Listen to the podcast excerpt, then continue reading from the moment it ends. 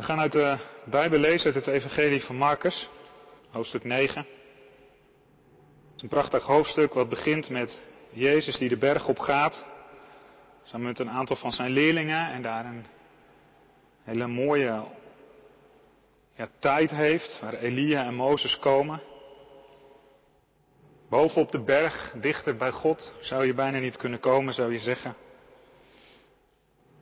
Maar na die prachtige ervaring op de berg is het ook weer tijd om het leven in te gaan.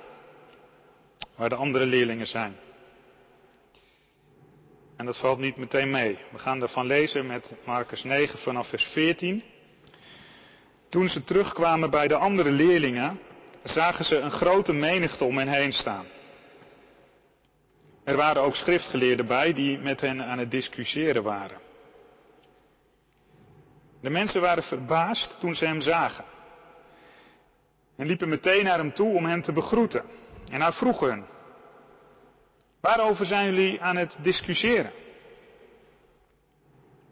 Iemand uit de menigte antwoordde, meester, ik heb mijn zoon naar u gebracht, omdat hij door een geest bezeten is en niet kan praten. Steeds wanneer de geest hem overweldigt, gooit hij hem op de grond en dan komt het schuim hem om de mond te staan. Hij knast met zijn tanden en wordt helemaal stijf. En ik zei tegen uw leerlingen dat ze hem moesten uitdrijven, maar dat konden ze niet. Hij zei tegen hen, wat zijn jullie toch een ongelovig volk? Hoe lang moet ik nog bij jullie blijven? Hoe lang moet ik jullie verdragen? Breng hem bij me. Ze brachten die jongen bij hem. En toen de geest hem zag, deed hij de jongen meteen stuip trekken en met het schuim op de lippen viel hij op de grond en rolde heen en weer. Jezus vroeg aan de vader, hoe lang heeft hij hier al last van? Hij antwoordde, al vanaf zijn vroegste jeugd. En hij heeft hem zelfs vaak in het vuur gegooid en in het water met de bedoeling hem te doden. Maar als u iets kunt doen, heb dan medelijden met ons en help ons. Toen zei Jezus tegen hem, of ik iets kan doen, alles is mogelijk voor wie gelooft. Meteen riep de vader van het kind uit, ik geloof, kom mijn ongeloof te hulp. toen Jezus zag dat er een grote groep mensen toestroomde, sprak hij de onreine geest op strenge toon toe en zei, Geest die doof en stom maakt, ik gebied je, ga uit hem weg en keer niet meer in hem terug. Onder geschreeuw en met hevige stuiptrekkingen ging hij uit hem weg. De jongen bleef voor dood achter, zodat de mensen zeiden dat hij was gestorven. Maar Jezus pakte hem bij de hand om hem overeind te helpen. En hij stond op. En ging een huis in. En toen ze weer alleen waren, vroegen zijn leerlingen hem: Waarom konden wij die geest niet uitdrijven? Hij antwoordde: Dit soort kan alleen door gebed worden uitgedreven. Tot zover het woord van onze God. Dit is een ontroerend gedeelte Jezus die met zijn aantal van zijn leerlingen van de berg afkomt en dan die andere leerlingen in discussie ziet. Moeite doen om ja, iets te laten plaatsvinden van het wonder. Wat ze zo vaak hadden gezien bij Jezus die dat kon en wat dan niet lukt. En er wordt wat geworsteld. En er gebeurt maar niet waar naar ze, waarop ze hopen.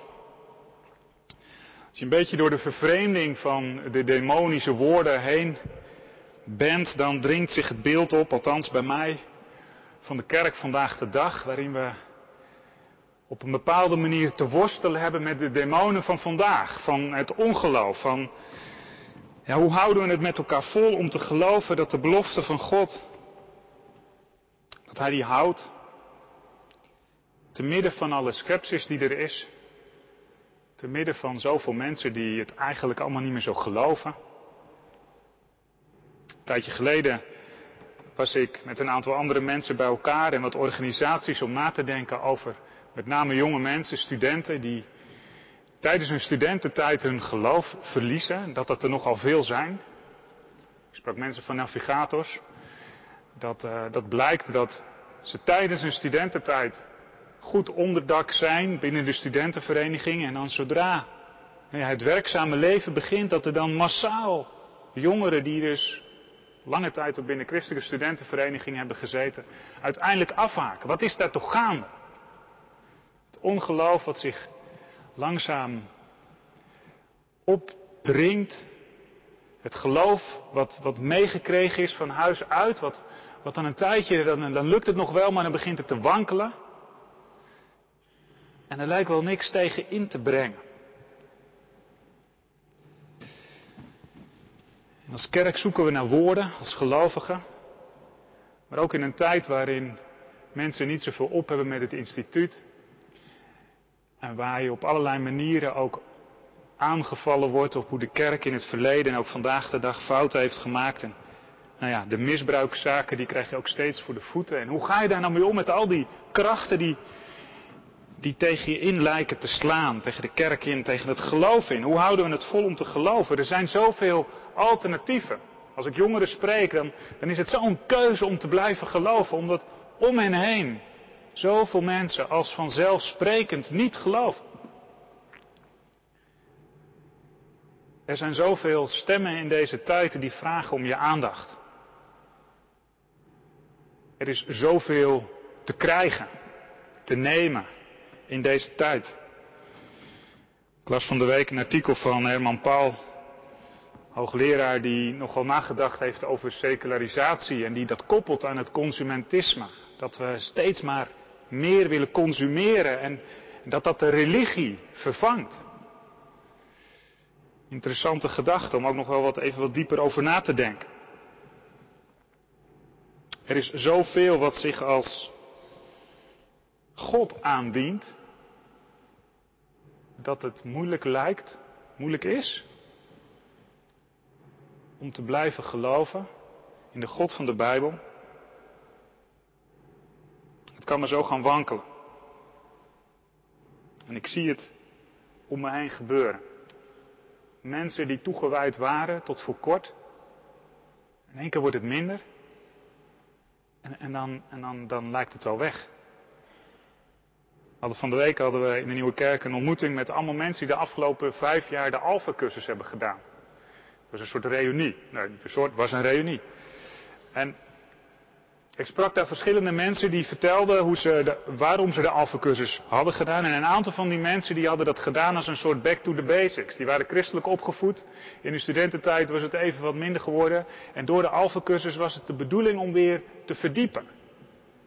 Ik sprak iemand en dat vond ik kenmerkend, want dat is het gesprek wat ik nogal vaak heb de laatste tijd. Nou ja, waarom ben, kom je dan naar deze reunie? Ja, toch om nog wel weer even over na te denken. Want eerlijk gezegd, die Alpha-cursus, ja, dat was mooi. Dat was even tien weken. Heel serieus. En toen, eigenlijk is daarna, ja, ik ben nog een paar keer naar een kerk geweest, maar eigenlijk doe ik al drie jaar helemaal niks meer aan geloof. En toen vroeg ik haar, doe je dat, is dat nou een bewuste keuze? Ben je er gewoon klaar mee? Of, nee, eigenlijk helemaal niet. Helemaal niet zelfs. Ik vind het eigenlijk heel mooi, maar, nou precies wat ik net zei. Er zijn zoveel dingen en langzamerhand ben ik er niet meer mee bezig. En langzamerhand glipt het tussen mijn vingers weg. En ik hoor dat zo vaak de laatste tijd. Ik denk, hoe zit dat nu? Wat gebeurt er in onze tijd? De kerken zitten soms nog vol.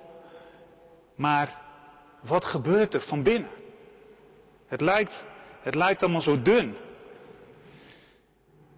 De demon van het ongeloof. Hoe gaan we daarmee om? En hebben we het door?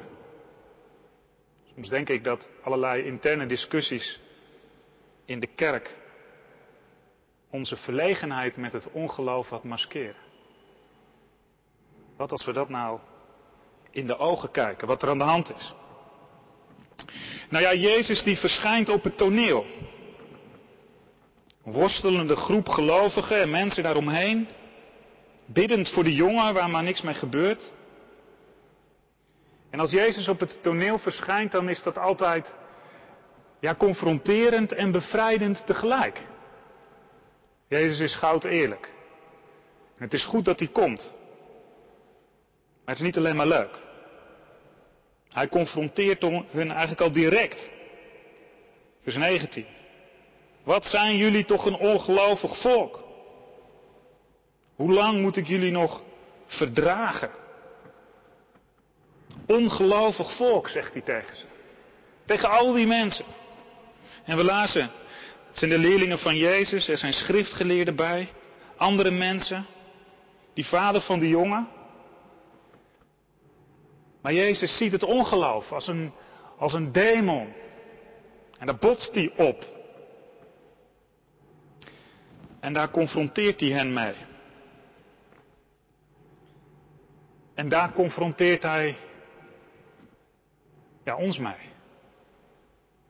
Met ons geloof, maar zeker ook met ons ongeloof. Wat zijn jullie toch een ongelovig volk?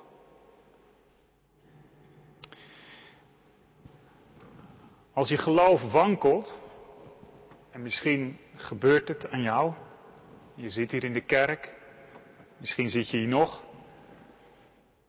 als je het bij jezelf ervaart, of om je heen. Als je geloof wankelt, is dat niet meteen, dan ben je niet meteen een slachtoffer.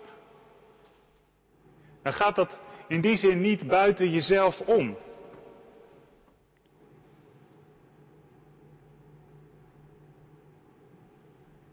Je bent zelf ook verantwoordelijk. Dat lees ik hier ook een beetje in. Jezus die confronteert die hele groep met hun ongeloof. En die, en die legt daar ook de verantwoordelijkheid bij henzelf. Niet te snel, niet te makkelijk van je afwijzen, zou ik zeggen. En ik zeg dat voorzichtig. Er kunnen allerlei redenen zijn dat je geloof wankelt. En er kunnen allerlei redenen zijn dat je geloof wankelt wat buiten jezelf ligt. Maar ik merk dat het toch ook wel vaak redenen zijn die gewoon in de mensen zelf liggen.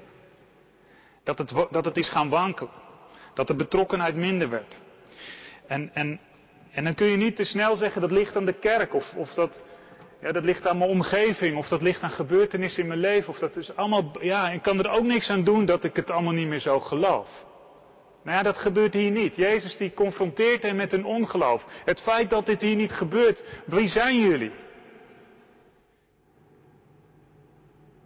Jezus legt de vinger bij de zere plek. Ongelovig volk. En iedereen, heel die groep, mag zich aangesproken weten. Ja, maar zeg je, kijk die schriftgeleerden. Schriftgeleerden en die leerlingen van Jezus, die, die kun je toch niet ongelovig noemen? Kijk, dat er zo'n groep mensen die weinig op hebben met, met God en zo. En, maar deze, die, die, die, die zijn toegewijd. Die lezen de schriften, die leven de schriften. Om hen nou ongelovig te noemen. Ik zit, ik zit in de kerk notabene. Ik lees de Bijbel. Ik, misschien zit je ook op een kring of op een vereniging. Of, ik, ik ben op allerlei manieren bezig om mijn geloof te voeden en vorm te geven. En dan, dan ben ik toch niet zelf um, het probleem. Dan ligt het toch niet bij mij. En bovendien, als je een beetje gereformeerd bent, dan kun je altijd nog zeggen, ja, maar het moet me toch ook op de een of andere manier wel geschonken worden. Dus als ik het niet heb, dan kan ik er toch ook niks aan doen. Dat het even weg is. Ik kan er niet veel aan doen. Kan u niet iets doen? Als u, Jezus, als u iets doet. Als u iets doet aan mijn zoon. Wij kunnen het niet. Wij, maar als u nu iets doet. Ja dan. Als u iets doet aan ons ongeloof. Als u. is de vraag van de Vader. Doet u het maar. Doet u het alstublieft. En dan, en dan Jezus, die de vraag direct terugkaatst. Vers 23. Of ik iets kan doen. Alles is mogelijk voor wie gelooft. Oftewel, het gaat niet om wat ik doe, maar het gaat toch om jou. Het is een vraag die, die zo diep gaat als je hem tot je door laat dringen. Hoe zit het met jou? Jezus die als een meesterchirurg ons hart opent, ons persoonlijk hart opent, maar ook wel van de kerk. Alles is mogelijk voor wie gelooft. Met andere woorden, hoe zit het met je geloof? Hoe is het met je geloof? Wat zou je zeggen? Hoe is het met je geloof? Aan jezelf vragen, misschien ook aan elkaar. Hoe gaat het met je geloof? Je zit hier nu wel in de kerk. Hoe gaat het met je geloof in, in het werk van God? Alles is mogelijk voor wie gelooft. En die vader kan niet meer terugwijzen. Hij kan niet zeggen, ja maar, ja maar. Mijn geloof, nee ja. U moet het doen, dat had hij al geprobeerd. En hij roept het uit. Als Jezus dan zo doordringt. Hij roept het uit, ik geloof. Maar ja, ik geloof, maar, maar kom mij te hulp. Kom mij in ongeloof te hulp. Je voelt de dubbelheid. En dat is een dubbelheid die ik herken. Aan de ene kant dat, dat je het geloven wil en dat je het gelooft, maar met dat je het roept, dat je de het ongeloof voelt. En, en bid, help me dan, God. Die vader roept het uit en en we roepen mee. Toch? We roepen mee als kerk. We geloven. En we zien het om ons heen gebeuren. We zien het in deze tijd gebeuren. Maar, maar we geloven. Maar help ons dan. Help ons dan in ons ongeloof. Kom ons te hulp, want de demonen zijn te sterk. We redden het niet. En we weten dat u het van ons vraagt, maar we kunnen het niet. We geloven. Maar help ons in ons ongeloof.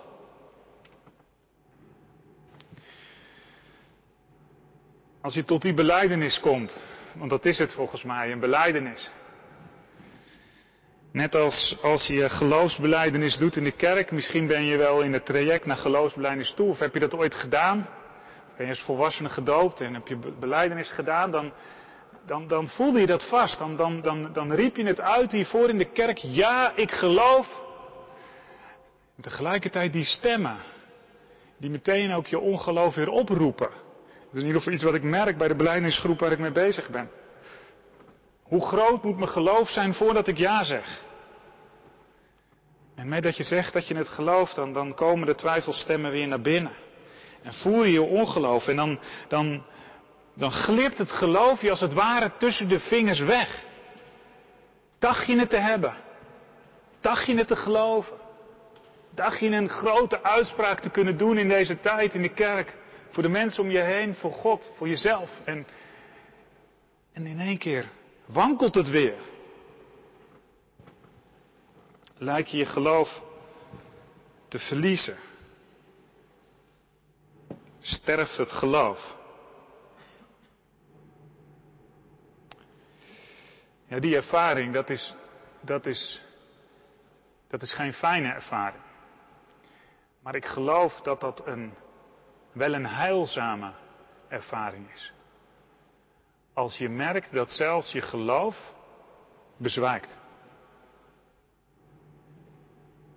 Dat je je leven verliest, zegt Jezus, om het opnieuw te vinden, het opnieuw te ontvangen. Ik begon er de dienst mee.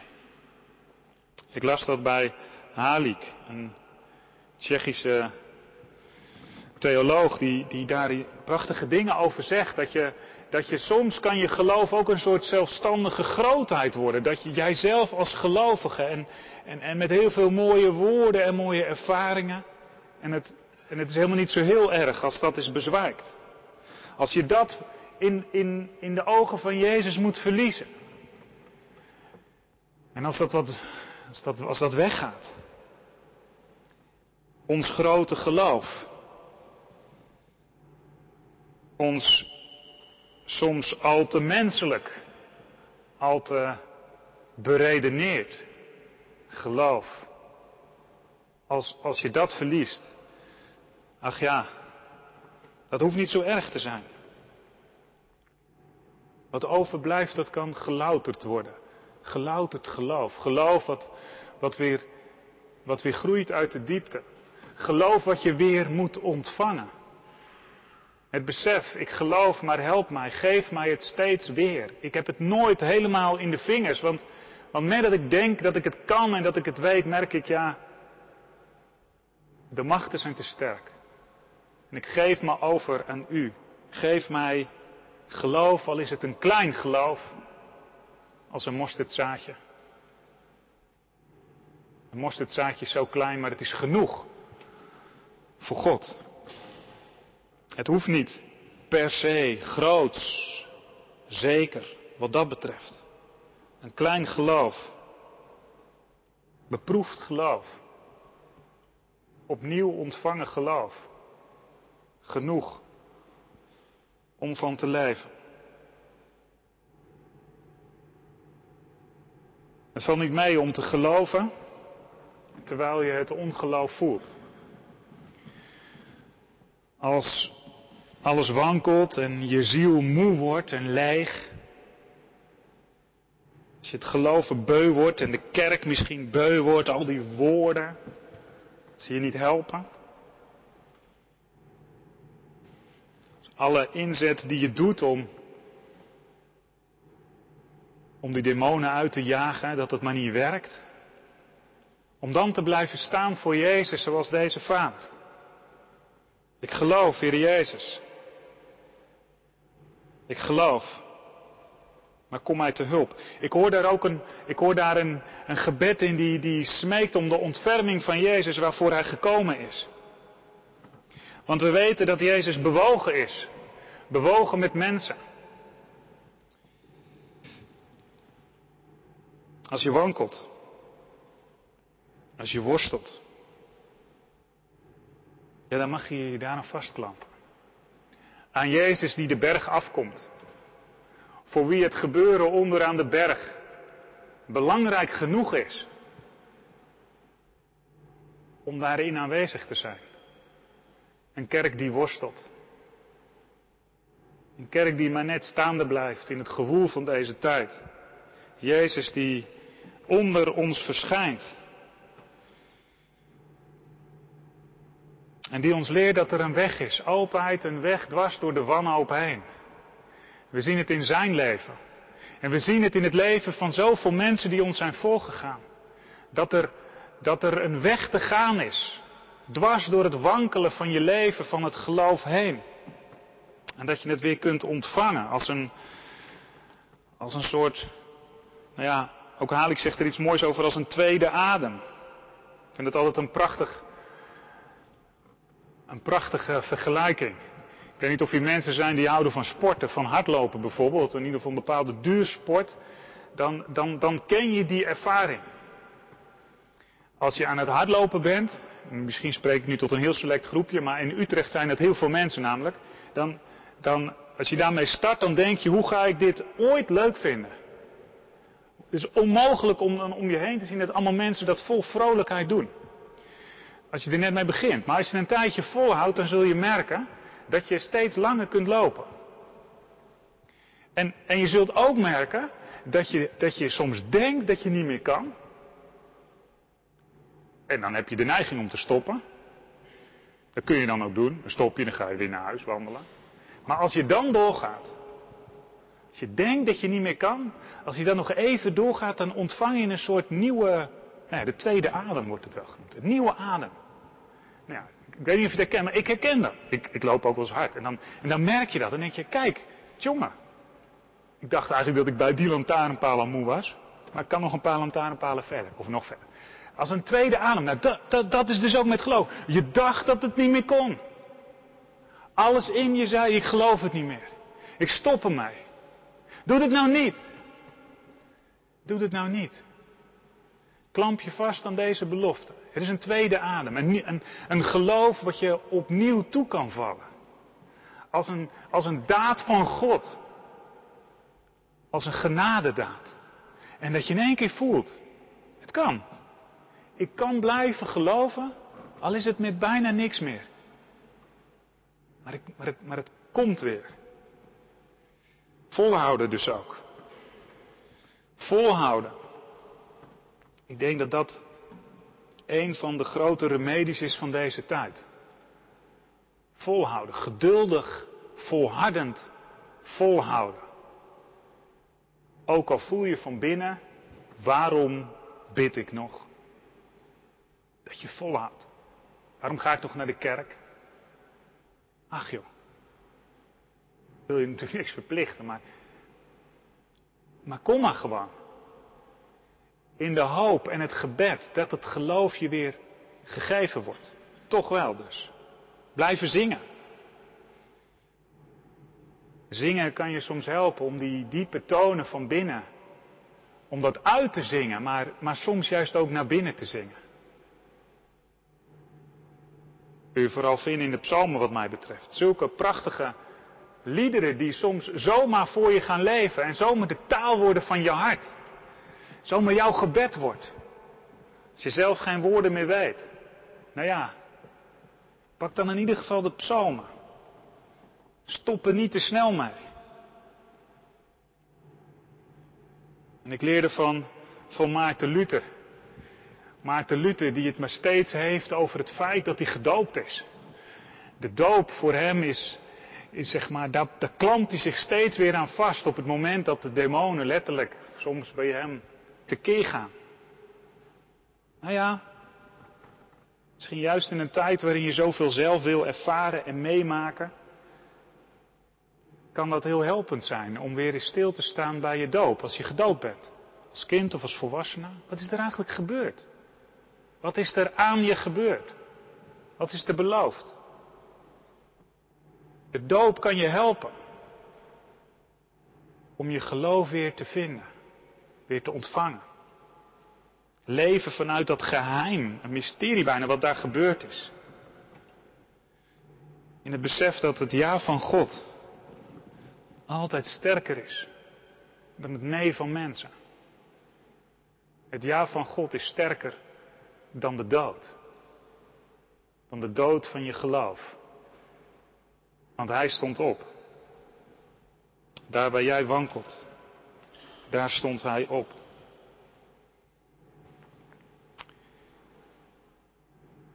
En dan, als je nou niet zo wankelt, dat kan. Dan zou ik zeggen, kijk een beetje om je heen in de kerk naar die mensen om je heen en, en bevraag elkaar eens. En wat je altijd kunt, is voor die ander bidden. Hoeft hij nog niet eens te weten. Als hij het fijn vindt, je kunt het ook vragen. Dat ik voor je bidden kan. Als de leerlingen aan Jezus vragen, hoe komt het nu dat wij dat niet konden? Waarom konden wij die geest niet uitdrijven? Dan zegt Jezus, dit soort kan alleen door gebed worden uitgedreven. Gebed. Jezus die ons bepaalt bij gebed. Hebben ze niet gebeden, die leerlingen? Zeg ik verbaasd. Nou ja, soms gaat het zo. Dan denk je te weten hoe het werkt. Nou, en dan worden de demonen uitge, uitgezonden en, en zonder dat er gebeden wordt. Bidden. Afstemmen op wie God is. Op wat Hij kan. Met elkaar bidden maakt ons afhankelijk. Bepaalt ons ja, bij de kracht van God. Als je bidt, dan, ja, dan, dan, word je op, dan word je ook meteen een beetje bescheiden als gelovige, als kerk. Een biddende kerk, is dat niet nodig in deze tijd? Een biddende kerk voor die studenten in deze stad. Biddend voor die studenten die op zoek zijn naar God of, of die van huis uit dat hebben meegekregen en op die studentenverenigingen zitten. Dat ze volhouden. Bidden dat hun geloof niet zal bezwijken. Biddend om hen heen staan. Laten we bidden voor deze stad, voor, voor zoveel mensen onderweg. Dat, dat, dat we bidden dat Gods handen dragend zijn, zegenend, boven en onder al die mensen hier. Als we niet meer bidden.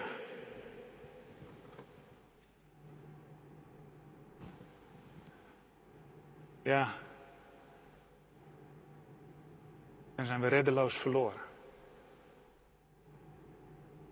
Als we niet meer bidden.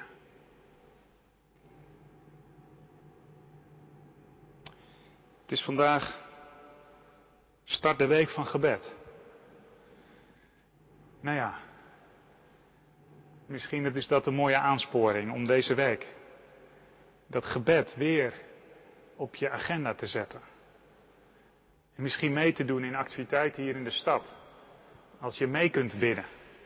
Op allerlei plekken, samen met allerlei christenen. Om samen te bidden. En als je dan bidt, bid dan in ieder geval ook voor hen. In deze tijd die wankelen. Amen.